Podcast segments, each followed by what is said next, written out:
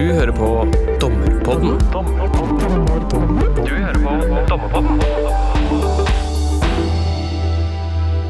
I gamle dager, dvs. Si før 1. oktober i fjor, eh, var den som var psykotisk på handlingstiden å anse som utilregnelig, og vedkommende kunne derfor ikke straffes.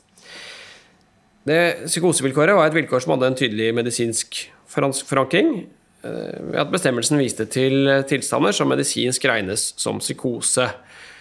Eh, selv om det kanskje ikke var fullt sammenfall da, mellom det rettslige og det medisinske psykosebegrepet. Norsk rett har også tradisjonelt bygget på det som er kalt det medisinske prinsipp. Dvs. Si at det ikke har vært noe krav om årsakssammenheng mellom tilstanden og handlingen. Hvis man først var psykotisk på gjerningstidspunktet, vel, da kunne man heller ikke straffes. Dette er regler som har vært gjenstand for utbredt diskusjon og kritikk, særlig i etterkant av 22.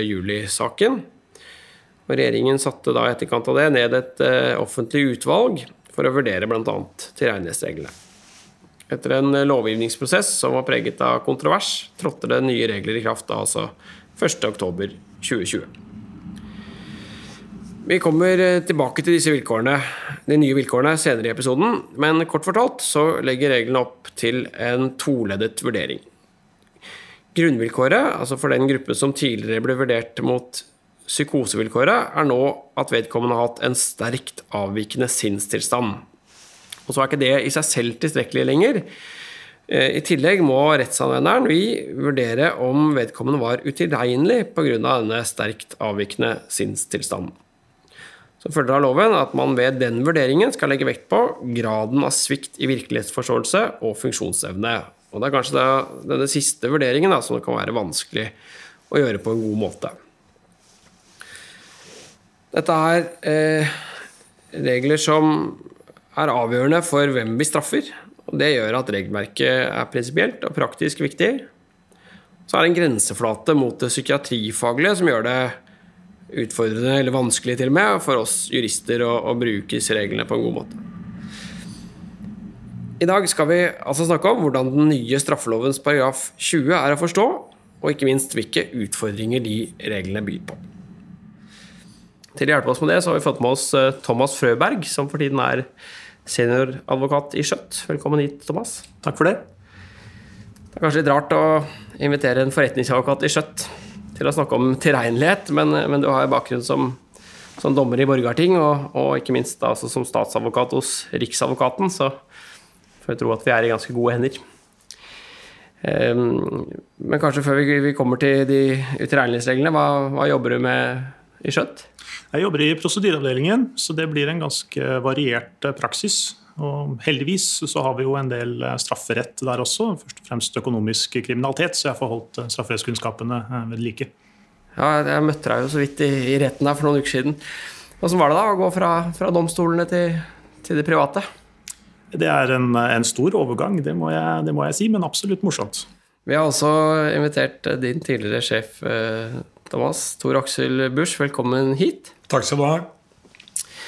De fleste er vel kjent med at du var riksadvokat i en, en årrekke. Norges lengstsittende riksadvokat, tror jeg. Men du forlot stolen i, i 2019. Hva, hva, holder du på med nå, Tor Aksel? Ja, jeg har noen små oppdrag. Men det er klart det er en stor overgang, som du var innom i spørsmålet til Thomas. Den er nok større hos meg.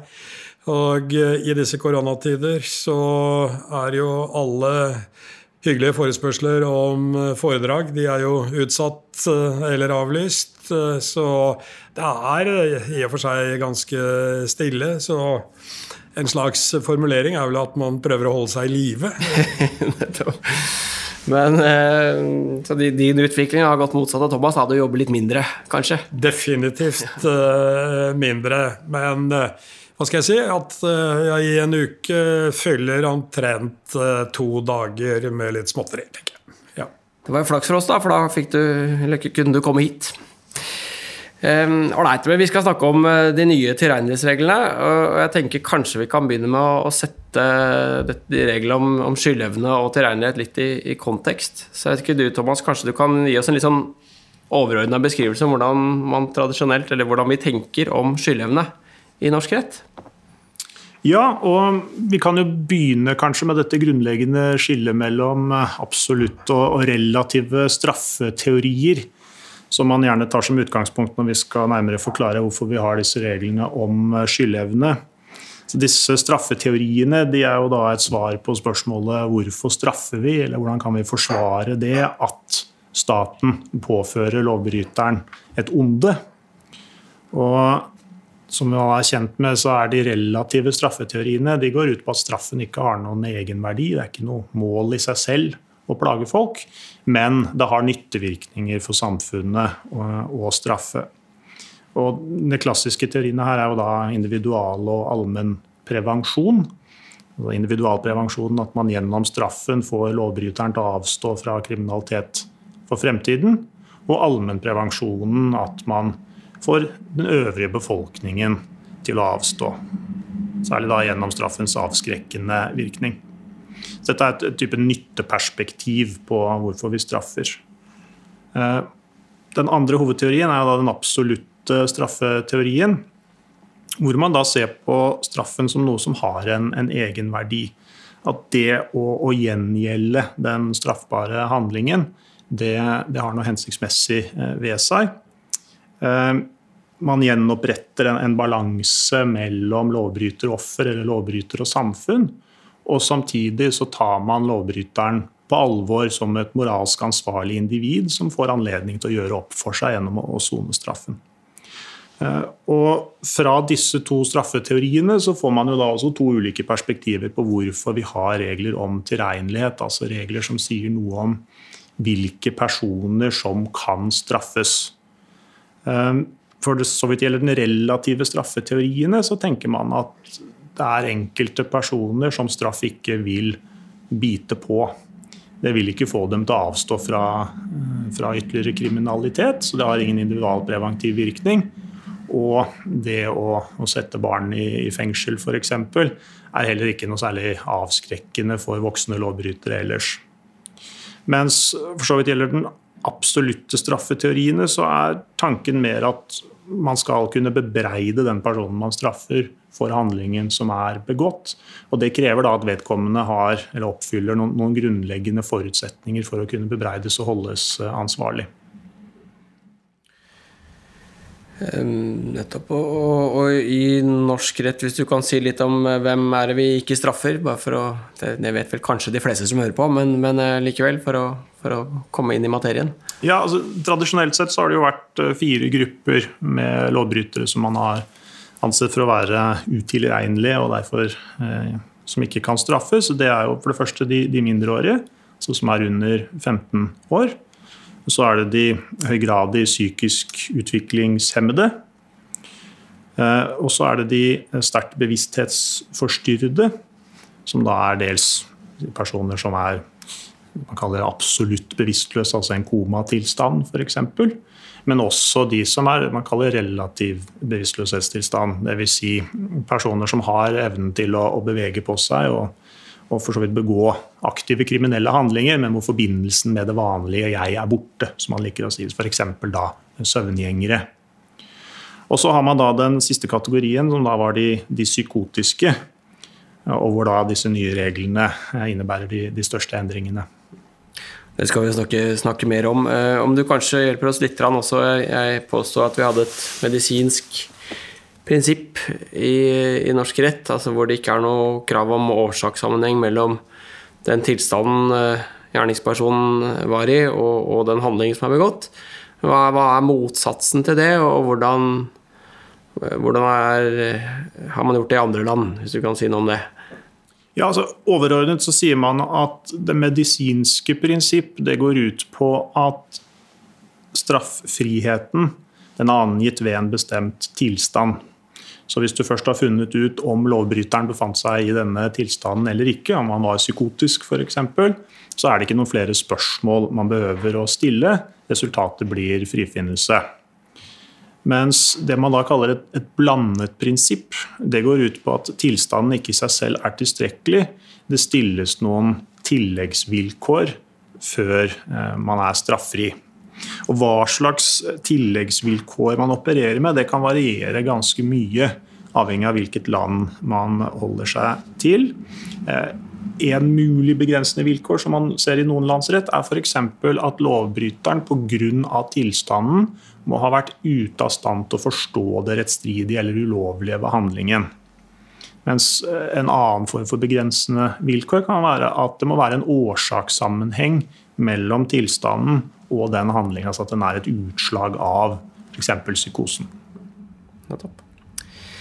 Fint. Um, ja, så, så påstår jeg at det hadde vært en del kritikk mot disse tidligere reglene, og det var en del av bakgrunnen for det lovarbeidet som ble satt i gang i, i 2013. Jeg vet ikke om en av dere vil fortelle litt hva, hva var det den kritikken gikk på, og hvordan endte vi her, hadde jeg sagt?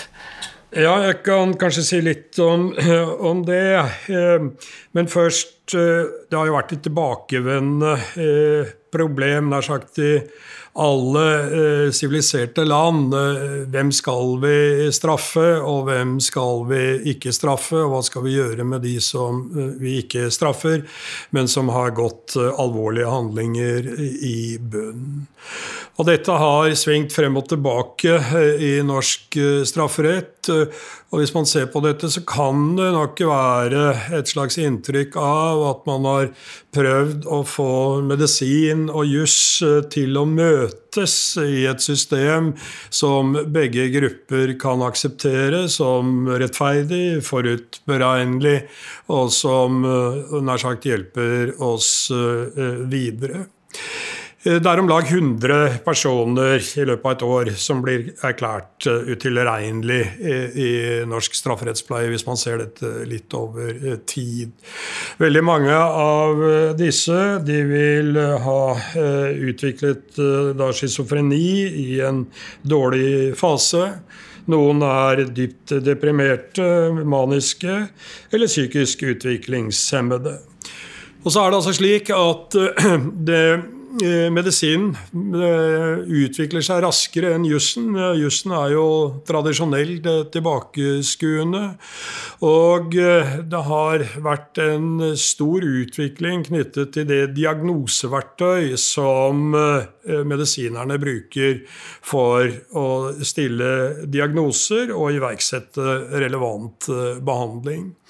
Og Dermed så er det blitt en slags eh, diskrepans eh, mellom eh, medisin og juss som ligger i bunn her. Men som praktiker som har holdt på med dette i svært, svært mange år, som du var innom i din introduksjon, så syns jeg nok det har fungert ganske, ganske bra.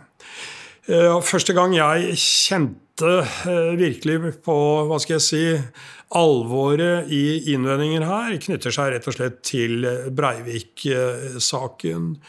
Hvor eh, påtalemyndigheten eh, kom i alvorlig tvil om man kunne klare å bevise at han var tilregnelig.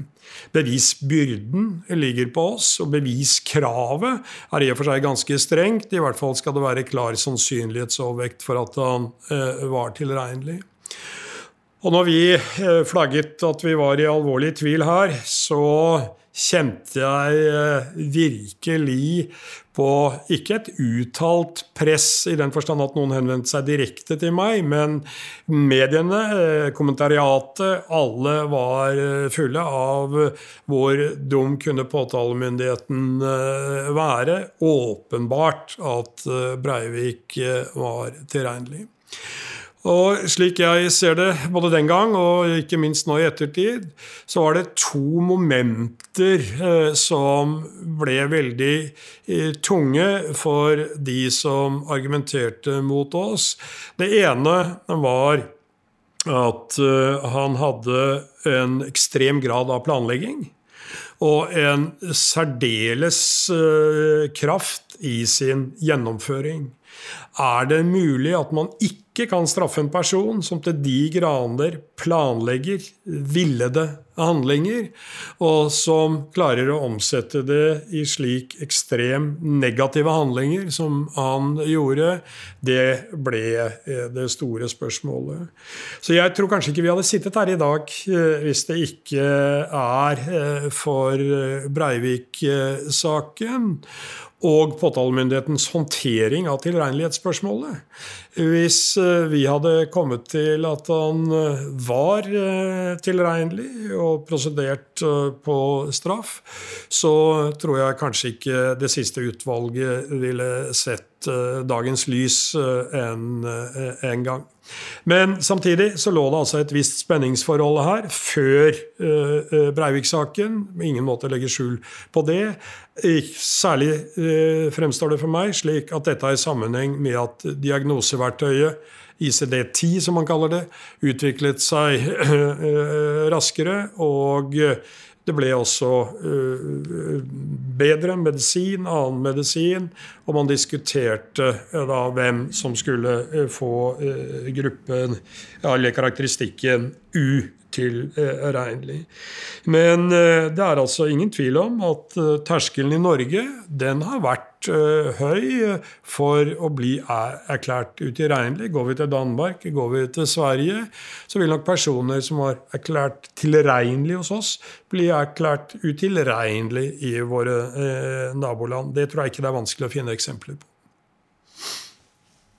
Nettopp. Um det, alle, alle, vi som for så vidt fulgte med og var voksne når 22.07-saken gikk, fikk vel med oss at det der ble en veldig stor og et, et, stort og vanskelig, vanskelig spørsmål. Og, og, jeg må jo si at eh, de reglene som vi nå har fått, bærer jo litt sånn preg av at, eh, at de kommer i etterkant av den saken. Så det, det kommer vi vel kanskje litt tilbake til.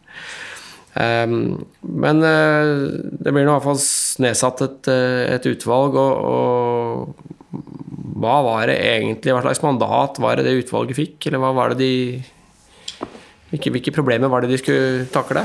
De skulle jo se på uh, det store, grunnleggende spørsmål. Uh, hvem eh, skal straffes, og hvem skal ikke straffes. Så skulle de også se på om det var slik at de man kan kalle ikke farlige, men som var plagsomme, og som ikke var tilregnelige, om de eh, skulle få eh, noen form for eh, særreaksjon, som man kaller det. Og dette utvalget, som ble ledet av min gamle sjef, Georg Fredrik Ribe de tror jeg hadde både spennende og viktige diskusjoner, og kom frem til eh, justeringer som ikke var eh, særlig store, men viktige nok. Og det var da disse forslagene som ble sendt på høring. Eh, og det fikk vel gjennomgående god mottagelse i høringsrunden, slik jeg ser det. Men så kommer altså departementet, åpenbart etter politisk initiativ, jeg kan ikke forstå annerledes, med et langt annet forslag i sin proposisjon til Stortinget. Det er i og for seg en, sjelden at vi ser så store endringer mellom det som opprinnelig var på høring, som var direkte knyttet til den NOU-en og det utvalget som Ribemoen ledet, og uh, det som kom til uh, Stortinget. Og det er noe av problemet i forhistorien her. Sånn jeg oppfatter det, så, så var det de, forslagene som kom fra departementet, da, som, som, ligger nærmest det som til slutt ble vedtatt, og som trådte i kraft nå i fjor. Um, ja, altså for meg var det litt, litt, rart da jeg oppdaget at den proposisjonen ikke var sendt på høring. Eh, eh hva er noe som vet hva bakgrunnen for det er? Det er jo kanskje ikke så viktig for å forstå reglene, men, men mer av nysgjerrighet. Si det, det, er litt vanskelig å danne seg et inntrykk av hvordan vi endte opp med den regelen vi har endt opp med. Eh, man kan jo ha noen antagelser om at det har vært et sterk politisk vilje i bunnen her om å gjøre endringer som innsnevret muligheten for å være straffri, og da særlig pga. Eh, psykoser. Men uh, hvorfor det tok den formen det tok, og hvorfor man da laget en helt ny regel, langt på vei for så vidt gjelder uh, de psykotiske, og ikke kjørte den gjennom den kvalitetssikringsprosessen som man ellers opererer med når man gjør endringer, det er ikke så lett å forstå. Jeg tror det er vanskelig å uh, tenke seg at dette kunne ha skjedd hvis det ikke var direkte politisk innflytelse med en angivelse av en bestemt retning. Og gjerne i den retning som eh, Thomas her eh, antyder. Eh, hvis Lovavdelingen hadde funnet på dette helt av seg selv, så tror jeg at vi ville hatt en ordinær eh, høringsrunde og sagt at man har gjort andre vurderinger eh, og eh, tatt seg tid til den runden. For, for oss som i hvert fall var praktikere på den tiden, så dette hastet jo overhodet ikke. Systemet var egentlig ganske velfungerende. Det var ikke noen tidsproblemer som tilsa at dette måtte gjøres. Det var ikke noe himmelropende høye, høy støy fra eh, den ytre etat, altså fra domstoler, fra advokater, fra eh, påtalemyndighet. Så tiden var ikke noe problem for å, å, å gå den eh, runden. Jeg var på høring Det var to høringer i, i, i Stortinget. Og etter den første høringen så ble det en bestilling fra Stortinget til departementet, som kom tilbake med et nytt justert forslag forslag, men ikke veldig justert. Det var litt annen terminologi. Og så ble det en ny høring igjen. og øh, Nå er jo høringssystemet slik at man må melde seg til høring. Og som riksadvokat så er man da ganske forsiktig med å melde seg til høring. altså Det virker jo noe overgeskjeftig, men øh, jeg fant grunn til å melde meg til høring øh, gang to. Og der var jeg, eh, etter mitt eget syn i hvert fall, da, krystallklar i min anbefaling om at dette måtte sendes eh, tilbake til en ordinær høringsrunde. Og det er jo i og for seg en eh, slags kuriositet, eh, men opposisjonen hadde jo flertall i justiskomiteen. Og flertallet i justiskomiteen var enig med meg og de andre som mente at eh, dette måtte sendes tilbake til høring.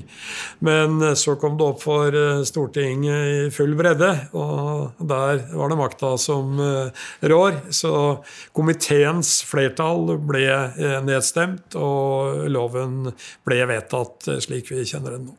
Det er en interessant bemerkning i eh, justiskomiteens merknader også, for det alle er enige om, eh, det er at flere skal holdes strafferettslig ansvarlig. Slik at eh, den uenigheten man fikk, var bare om man hadde fått tilstrekkelig kvalitetssikring på den lovtekniske løsningen man valgte for å nå det målet. Mens det tilsynelatende var en unison enighet om at ansvaret for strafferett skulle snevres inn.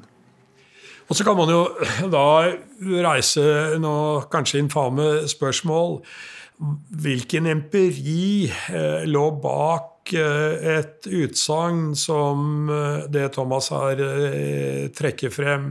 Hvilke saker hadde komiteen sett på hvor man mente at det burde vært straffansvar, og hvor da man hadde trådt feil med dagens regler, gitt hva man ønsket å straffe.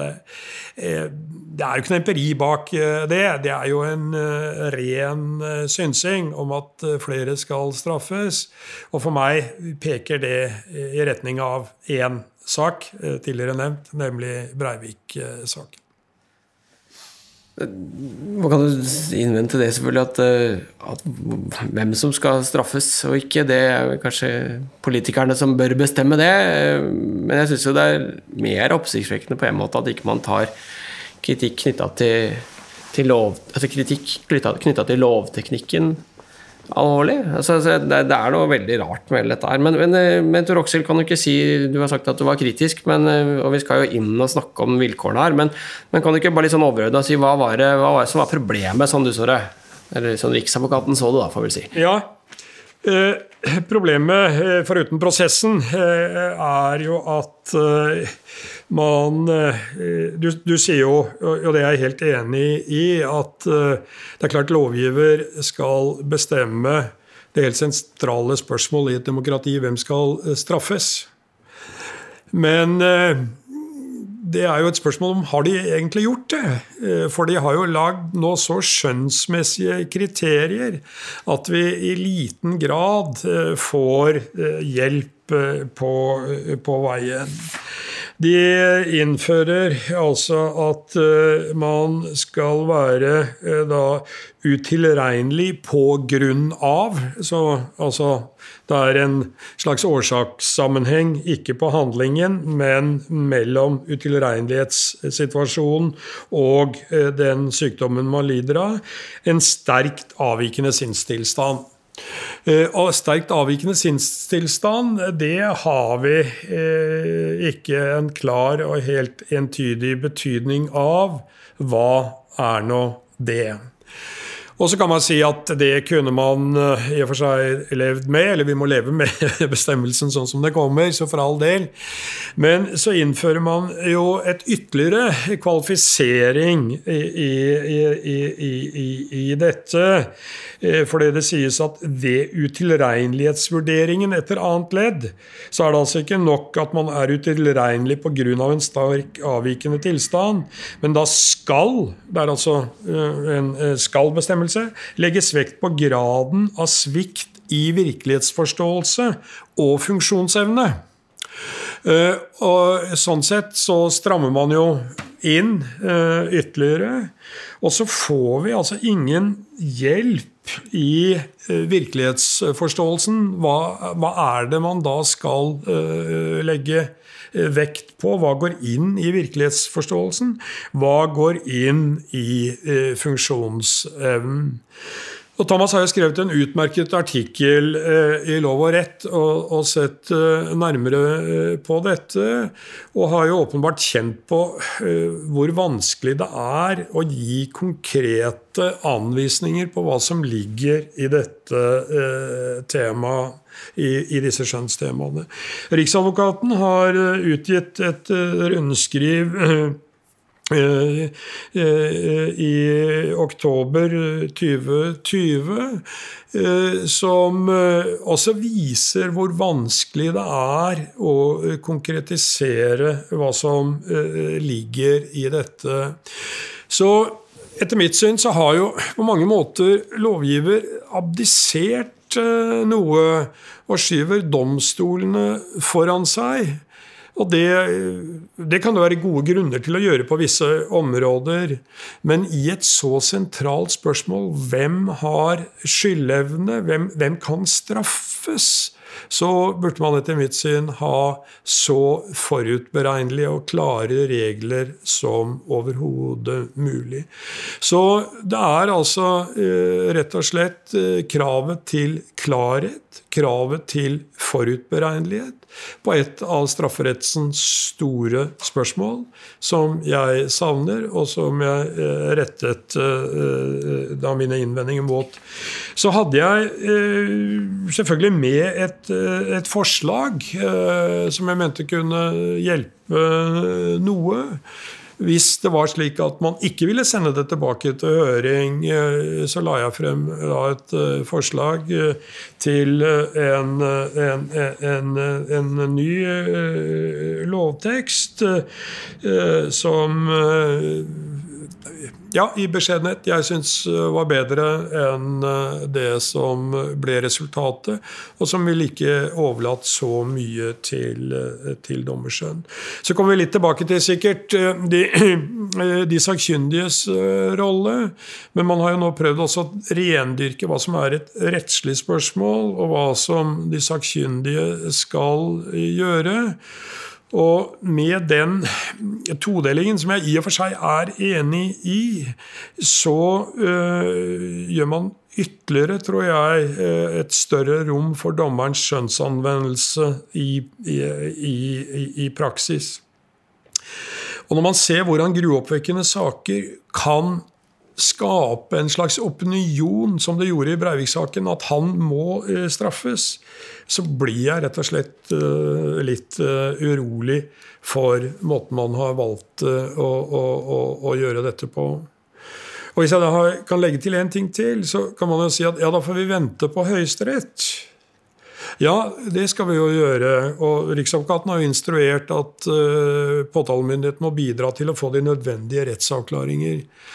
Men den første saken som kommer fra Høyesterett her, den vil jo ikke trekke opp dette i full bredde. Den vil være helt konkret inn mot det enkelte tilfellet. Så vi trenger jo åtte-ti saker, vil jeg gjette på, før eh, vi har eh, rekkevidden for eh, denne bestemmelsen. Jeg vet ikke om Thomas er enig i disse noe frimodige betraktninger, men det er nå slik jeg ser det. Ja, jeg tror du har helt rett i at den regelen vi har fått, den springer jo ut av et i og for seg aktverdig motiv, og det er å skille klarere mellom rettspsykiaternes rolle i straffesaken og juristen og dommerens rolle. Det var jo særlig svakheten ved dette psykosevilkåret som man hadde i loven tidligere. at det er jo i utgangspunktet et medisinsk kriterium man her snakker, eh, snakker om, eh, som rettspsykiaterne vurderer med utgangspunkt i sine diagnosesystemer.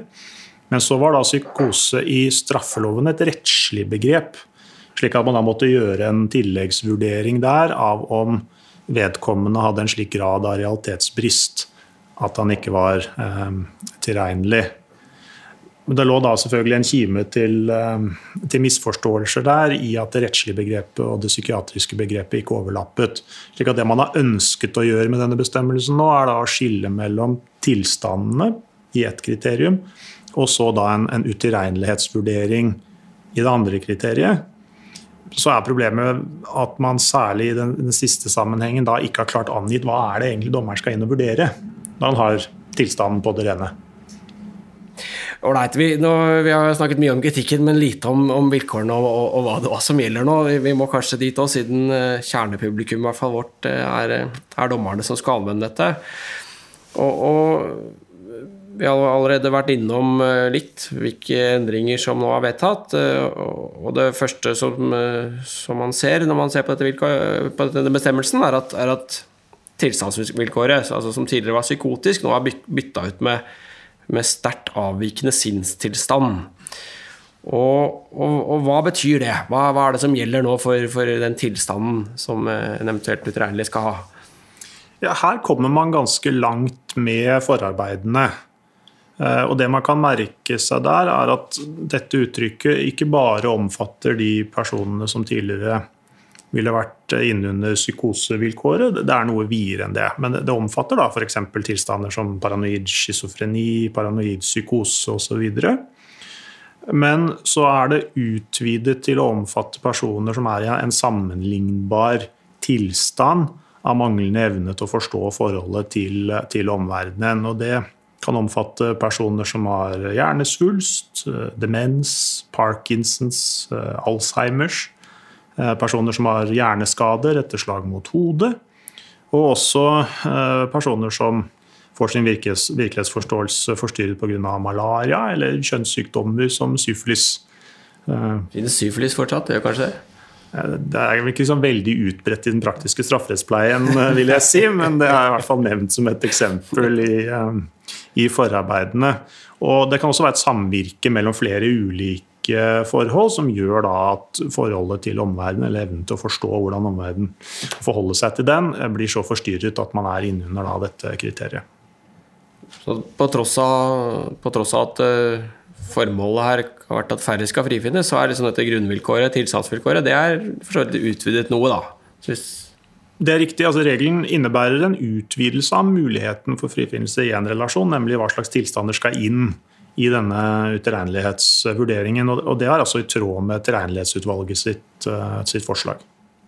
Sånn at uh, hvis uh, de sakkyndige mener, og, retten er enig i at uh, tiltalte er psykotisk, vel, da kan man kanskje gå ut fra at man som oftest vil være Eller oppfylle tilstandsvilkåret, da. Hvis jeg har skjønt det er riktig. Det tror jeg må være riktig forstått, ja. Um, da jeg forberedte meg til denne episoden, så så jeg også at man, man først eh, foreslo et litt annet eh, begrep. Var det alvorlig sinnslidelse? Ja, riktig. Som, som, vi kjenner igjen fra psykisk helsevern-sakene, som er grunnvilkåret der for å, for å unngi den gruppen tvang. Eh, og hvordan er forholdet mellom sterkt avvikende sinnstilstand som nå gjelder etter straffeloven § 20, og det begrepet i psykisk helsevernloven som heter alvorlig sinnslidelse, er det det samme, eller er det noe annet? Nei, det er ikke det samme. Eh, uttrykket i psykisk helsevernloven er betraktelig videre enn eh, dette sterkt avvikende sinnstilstand. Og dette var også grunnen til at det ble en endring av lovteksten på dette punktet. Fordi en del av kritikken under den første høringen nettopp gikk på at man har hentet et likelydende uttrykk fra lov om psykisk helsevern, flyttet det inn i straffeloven og gitt det en helt annen betydning. Eh, slik at dette sterkt avvikende sinnstilstand som man tok inn, var da ment å signalisere at her er det en, en forskjell i betydning, så man kan ikke bygge på praksis etter lov om psykisk helsevern. Det var jo fornuftig for å gi litt skryt òg, til der ble, Ja, Samtidig så hadde de da oversett at sterkt avvikende sinnstilstand det er jo brukt i straffeprosessloven 459 om personer som er soningsudyktige. Eh, og Da er det tolket dit hen at det betyr personer som er psykotiske i den tradisjonelle strafferettslige forstand. Men det har, man, det, det har, man, ryddet opp i nå i en, en lovendring senere, at nå står det da personer som er utilregnelige pga av sterkt avvikende sinnstilstand i straffeprosessloven. Så nå skulle alt være på stell terminologisk sett. Da fikk vi ikke gitt noe skryt der heller, men, men, jeg skjønner i hvert fall det er slik, Thomas, at uh, dette grunnvilkåret om uh, sterkt avvikende sinnstilstand, det går det for så vidt an å finne ut av, og, og der har vi ganske god hjelp i forarbeidene på, for å avklare grensene. Thomas skriver jo i sin artikkel, og Riksadvokaten er inne på det samme i sitt rundskriv, at i praksis eh, så bør man vel tenke seg at eh, man kommer ganske langt med psykotisk-vurderingene eh, i denne runden også. Altså at man på dette kriteriet, eller på denne tilstandsdelen, vil ha hjelp av psykotisk for å, å, å jeg vil tenke at hvis vi hadde diskutert dette om fem år, så vil man vel si at uh, sterkt avvikende sinnstilstand i praksis har blitt veldig likt uh, psykotisk. Greit. Um, men så da til, til, det som vi allerede har vært innom, som er det andre som, som springer inn i øynene når man ser på denne bestemmelsen. Det er at det er en toledet vurdering hvor eh, hvis man er sterkt, har en sterkt avvikende sinnstilstand, så har man ikke nødvendigvis utilregnelig. I tillegg skal man altså um, legge vekt på graden av svikt i virkelighetsforståelsen og funksjonsevnen. Og så har allerede Tor Aksel sagt at det er vanskelig å si, eller det har kanskje begge sagt, at det er vanskelig å si hva det betyr. men men noe hjelp må vi vel kunne få her. Ehm, så jeg vet ikke om noen av dere vil hjelpe oss litt. Hva, hvordan skal vi anvende dette? Hva betyr det?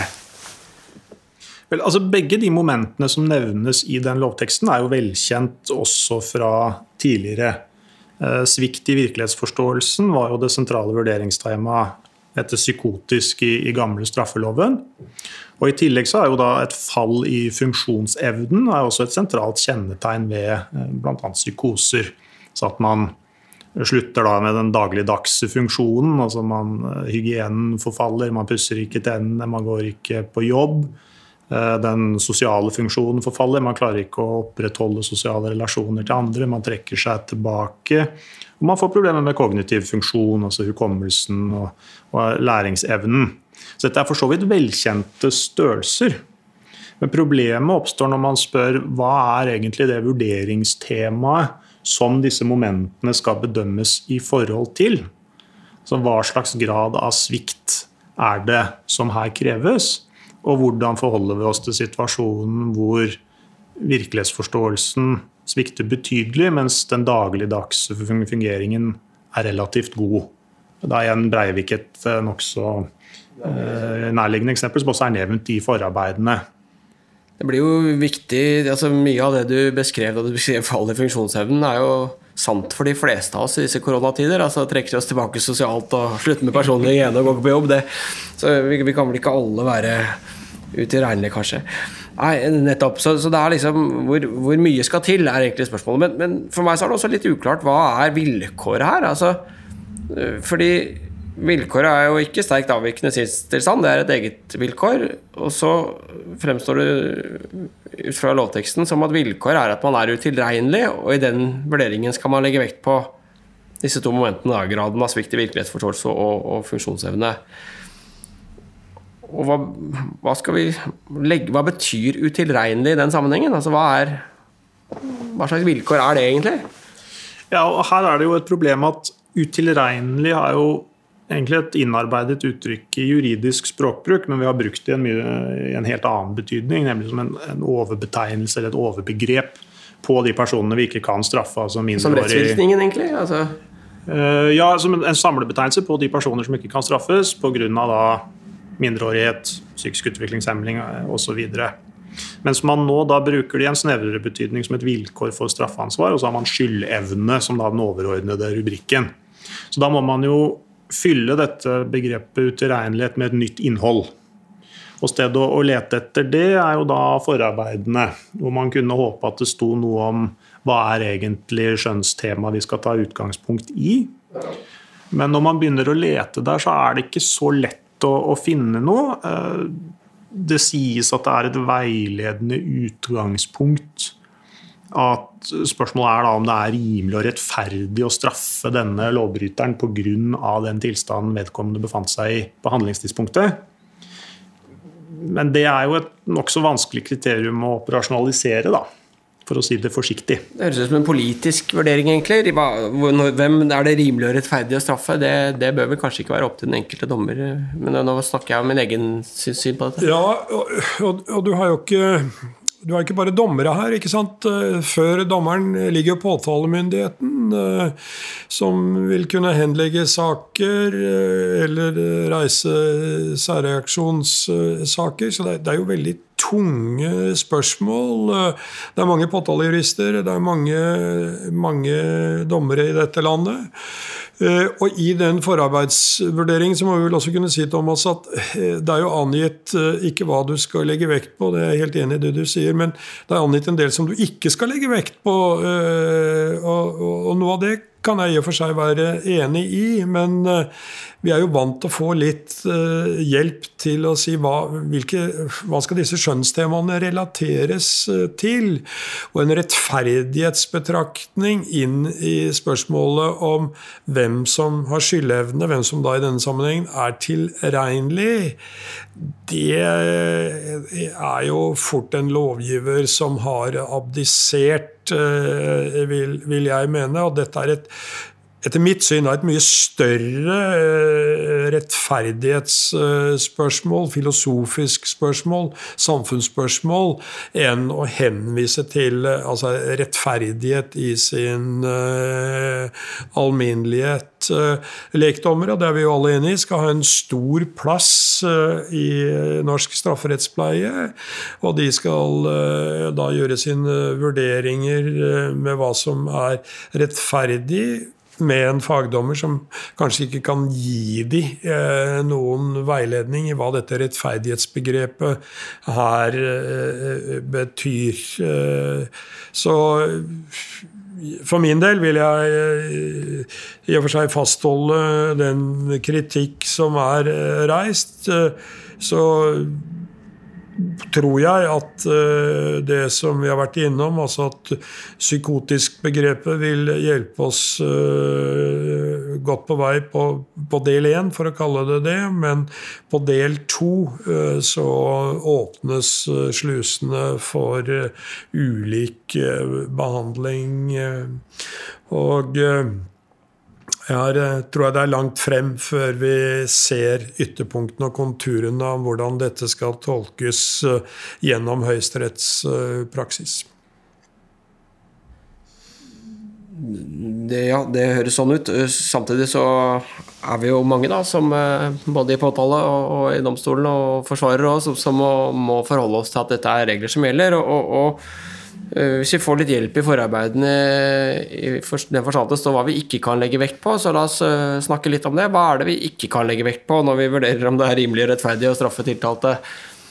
Ikke, Thomas, kanskje, om du har noe Ja, altså, det er en, en lengre opplisting i, i, forarbeidene om dette. Altså, det er bl.a. hensynet til straffens begrunnelse og funksjon. Da, prevensjonshensyn. Eh, det kan man ikke legge vekt på. Kan man ikke legge vekt på. Eh, man kan ikke eh, legge vekt på hensynet til sosial ro. altså Dette er en gruoppvekkende forbrytelse. og Det vil være rimelig og rettferdig at folk forslår seg til ro og ser at det blir reagert mot eh, denne personen.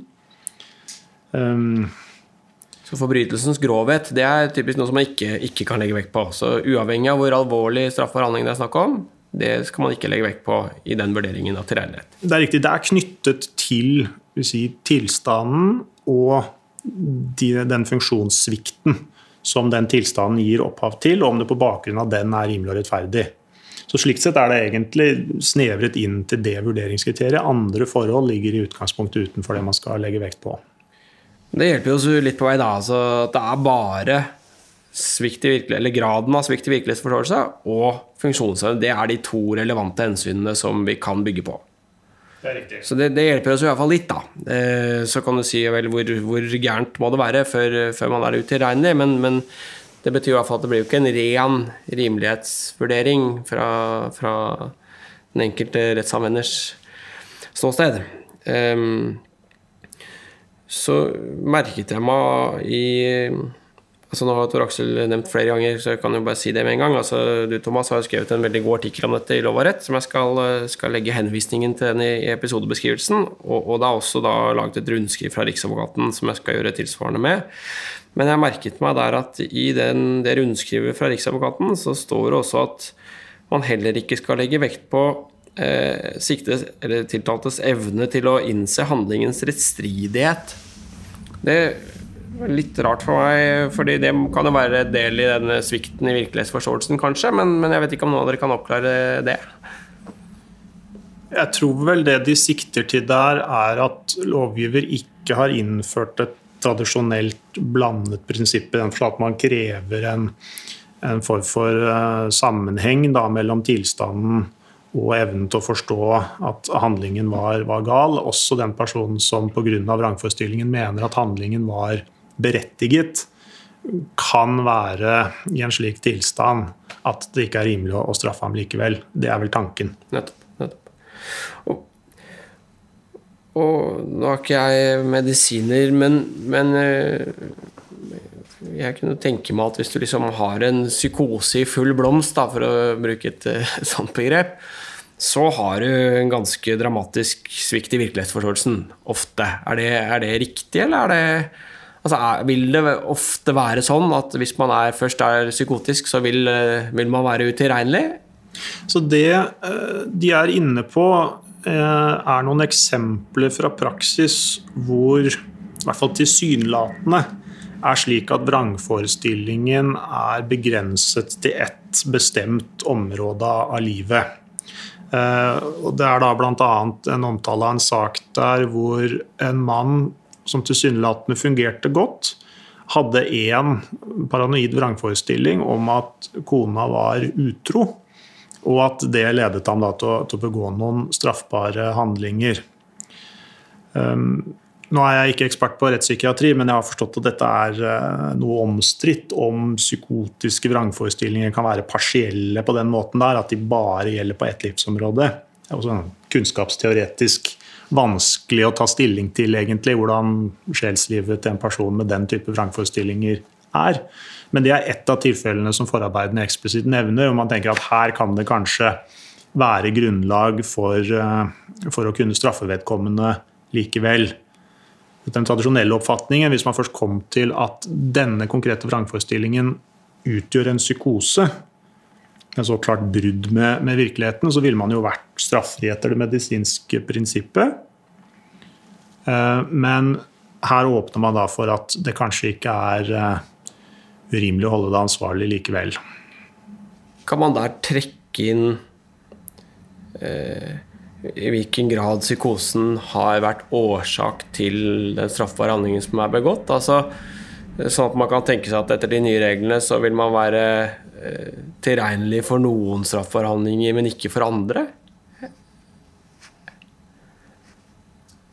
Altså Hvis denne fyren da, som hadde trodde at uh, feilaktig hadde en, trodde at kona eller hadde en psykose som relaterte seg til konas utroskap Hvis han da som følge av det gjør, gjør et eller annet som, som, er motivert av psykosen, at han i den sammenhengen er utilregnelig, mens hvis han gjør noe helt annet som ikke har noen sammenheng med den uh, realitetsbristen, er tilregnelig, eller er det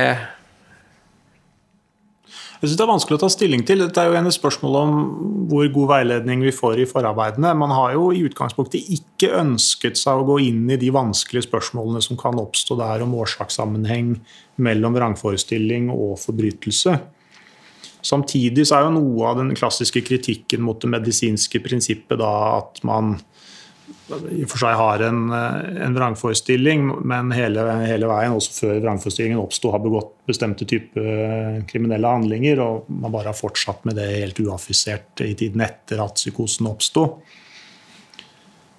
Dette er jo blant de spørsmål man kunne ønske at det sto rett ut hvordan vi skulle forholde oss til. Men jeg tror, jeg tror nok det er vanskelig å si at ikke det kan skje, som altså ligger i, i, i ditt uh, spørsmål. Uh, fordi når man kommer inn og gjør nærmere vurderinger av virkelighetsforståelsen, så kan det nok spille inn, tror jeg, en viss grad hva er det du uh, har gjort, og i hvilken grad står det i en viss sammenheng med den underliggende sykdommen. Det er også viktig å understreke her at en av de sakene man jo er veldig opptatt av her, er jo 22. juli-saken og som også forarbeidene nevner som et eksempel på at funksjonsevnen er meget god, og at man derfor bør holdes ansvarlig.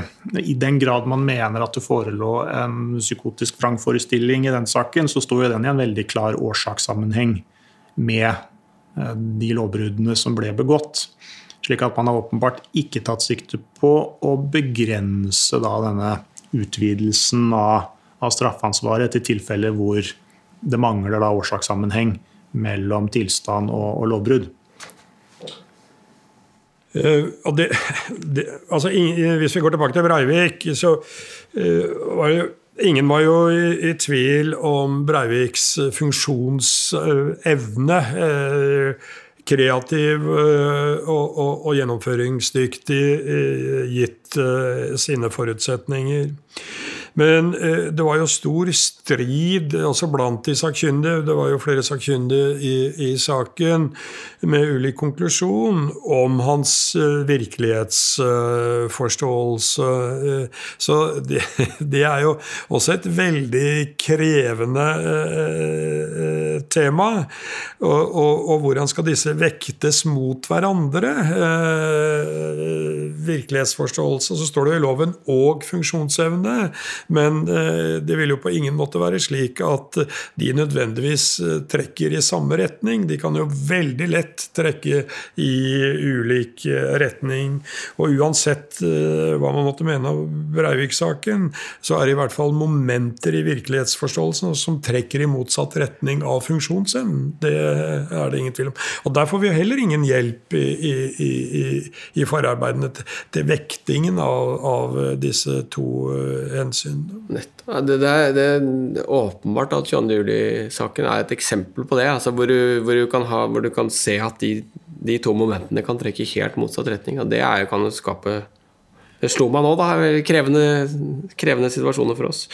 Jeg, jeg så du skrev, Thomas, i den artikkelen din også med henvisning til, til uh, forarbeidene at det kan være grunnlag for å straffe en relativt velfungerende person med gode kognitive evner, herunder evne til å planlegge og gjennomføre kompliserte lovbrudd, selv om vedkommende lider av vrangforestilling. Det, det, er vel en, eh, ikke så langt unna en beskrivelse av, av nettopp gjerningspersonen i den saken. Så, så det er jo åpenbart at, at, at, disse henger sammen. Det hjelper oss ikke så mye da når vi skal bruke disse reglene. Nei, Man kan vel kanskje innvende mot et forarbeid at når du trekker opp et eksempel på en endring av rettstilstanden, og så peker man på et tilfelle hvor det ikke ville fått betydning. Altså Han var tilregnelig etter de forrige reglene, og han er det også etter de nye reglene. Ok, Han er kanskje enda mer tilregnelig da etter de nye reglene, men med respekt å melde, det, det er ikke mye til hjelp. et, et, annet eh, spørsmål som henger jo noe sammen med det vi har vært eh, innom, det er jo hvilket, hvilket beviskrav skal man stille for uh, tilregnelighet eller for, uh, for, for skyldevne? Uh, og det har jo vært et tema i utredningene her. Man har jo bedt om å, å se på, på det Og Høyesterett har jo kommet til at det kreves ikke da det fullt ut utenfor rimelig tvil, men kvalifisert sannsynlighetsovervekt er vel omtrent riktig. Og der ble det jo ingen endringer, så det, det er fortsatt uh, situasjon at uh, man skal altså avgjøre uh, tilregnelighet ut fra en kvalifisert sannsynlighetsovervekt om hva som er riktig. og det, det, kjente jeg veldig på i, i, i Breivik-saken, i den grad det har noe interesse. Klarer vi å eliminere den tvil som de to sakkyn, første sakkyndiges uh, rapport uh, medførte? Og vi prøvde virkelig å nærme oss det eh, ved å si at uh, nå skal vi eliminere det, men vi klarte ikke å omsette det i handling. Vi klarte ikke å omsette det i, i, i argumenter. og Så kan det være ulik oppfatning av det. Men, men, det er også et av de krevende spørsmål inn i denne materien i de sakene som volder uh, stor, stor oppmerksomhet. Så kunne du jo tenke deg at man eh, brukte et eh, sivilrettslig eh, sannsynlighetsprinsipp. At eh, det er eh, like ille å bli erklært utilregnelig som du er hvis du er tilregnelig, og motsatt. At det er det mest sannsynlige som bør, bør telle. Men den NOU-en som Rivermoen Rivemoen ledet, det utvalget, det kom jo til så vidt jeg husker, at uh, man skulle ha det alminnelige strafferettslige tvilsprinsipp gjeldende også for, uh, for dette spørsmål. Og da ville det jo kunne hende at en del som man var ganske sikre på var utilregnelige Nei, skal vi se, altså At man må være helt sikker på tilregnelighet for å, å, dømme. Og Det kunne være at noen som var ganske sikre på da var tilregnelig, ble like fullt erklært utilregnelig med det det måtte innebære. Ja. Vi får jo da den komplikasjonen her også at uh, om hva slags tilstand du er i, og hva slags svikt i, i disse ulike relasjonene det fører til, er jo et faktisk spørsmål hvor beviskravet gjelder. Mens hvorvidt du er utilregnelig etter denne mer luftige rimelighetsvurderingen, blir jo et rettsanvendelsesspørsmål, hvor man bare må legge til grunn det man mener er, er riktig. Så da hjelper ikke beviskravet oss i den, i den vanskeligste biten her. Nettopp. Ålreit, tiden flyr dere, men, men uh, før vi Jeg vet ikke om vi har hjulpet lytterne så mye, men uh, vi har kanskje i hvert fall trukket fram uh, noen ting man må være oppmerksom på, da, om ikke annet. Men, men, før vi forlater dette, har vi et rent medisinsk prinsipp i norsk rett nå, eller har vi ikke det? Departementet selv mener at de har innført et modifisert blandet prinsipp, etter sitt eget utsagn, ved at man har et tilstandsvilkår, og så har man en åpen skjønnsmessig begrensning av det. Det kan vel være en klassifikasjon god nok som noen. Det er jo uansett ikke særlig til hjelp hva slags merkelapp man setter på dette. Nei, det kan du si. Um. Men vi skal jo forholde oss til disse reglene. Eh, og hva, så har vi nå pekt på at der, her er det mye vanskelig. Men, men, hva skal vi dommerne og hva skal påtalejuristene gjøre for å gjøre dette på best mulig måte? Altså, hvordan skal vi angripe dette? Er det noe, noe råd til, til oss som skal bruke disse reglene? For å unngå at det blir tilfeldig og masse forskjellsbehandling og avhengig av den enkelte dommers uh, hvilken bein man har stått opp med? ja. Uh, jeg tror fortsatt at uh, de sakkyndige vil uh, spille en ganske sentral uh, rolle, selv om vi hilser velkommen den todelingen som er etablert. Men det er klart de, de sakkyndige vil være sentrale i disse sakene. Det er det ingen tvil om. Så tror jeg at man kommer et godt stykke på vei hvis man legger inn psykotisk som et slags støttebegrep. Og så eh, ville ikke jeg la meg veldig rive med, hvis jeg var dommer eller påtalejurist eh, i, i, i, i praksis, eh, om at det lå sterke begrensninger for å kjenne noen utilregnelig hvis du først da er psykotisk gjennom virkelighetsforståelsen og funksjonsevnen. Jeg ville reservere den muligheten til å erklære noen til tilregnelig til ytterligere ytterst få uh, tilfeller. Uh, hvis du nå hadde spurt meg hvis vi hadde hatt uh, denne bestemmelsen under Breivik-saken, hvordan hadde påtalemyndigheten agert da? så kan jeg vel gå så langt og si at vurderingen hadde i hvert fall blitt vanskeligere med eh, dette temaet, slik at eh, lovgiver sånn sett eh, har i hvert fall oppnådd noe i den retning som lovgiver åpenbart ønsket å gjøre. Men lytt på de sakkyndige, hold fast på det psykotiske, og ikke la virkelighetsforståelsen og funksjonsevnen utover det eh, drive deg ut på ville veier. Så tenker jeg man treffer veldig bra i mange tilfeller. Det gikk jo an å bruke det til noe. Takk for det, Tor Aksel. Noe du vil legge til, Thomas? Nei, jeg syns det var en god oppsummering. Ålreit. Det var noen ting vi, vi, ikke rakk å komme innom, men det er som det er. Thomas skal ut og fakturere timer, og, og vi andre har vel også andre ting å gjøre, kanskje. Eh, så da tror jeg vi setter strek. Eh, og bare takker dere for at dere tok dere tid til å, til å snakke med oss. Ehm, så bare gjentar jeg igjen at jeg anbefaler Thomas sin artikkel, eh, og også Riksadvokatens rundskriv, som selv om Tor Aksel sa at det ikke avklarte så mye, så er det iallfall en fin oversikt over de reglene som gjelder, og, der eh, sies det også litt om eh, de sakkyndiges rolle og, ikke minst vilkår og, saksbehandling i saker om, om særreaksjoner. Så det er herved anbefalt. Um, og da bare takker jeg for at dere kom. Og så Før jeg avslutter, så får jeg nevne at Dommerpodden har fått seg Instagram-konto. Det er veldig, veldig moderne, så vi trenger sårt følgere. Jeg bare nevner det. Um, ja. Mitt navn er Ola Berg Lande, som sammen med Ragnar Lindefjell og Runa Nordahl Hereid utgjør redaksjonen i Dommerpodden. Vi høres. Du har hørt på Dommerpodden. Dommerpodden er en podkast fra Norges domstoler og er først og fremst ment som et kompetansetiltak for dommere. Hvis du har ris, ros, forslag til temaer eller folk vi kan prate med, så er vi glad for å høre fra deg, og da kan vi nås på podkast at domstol.no. Ha en god dømmende hverdag så lenge. Vi høres.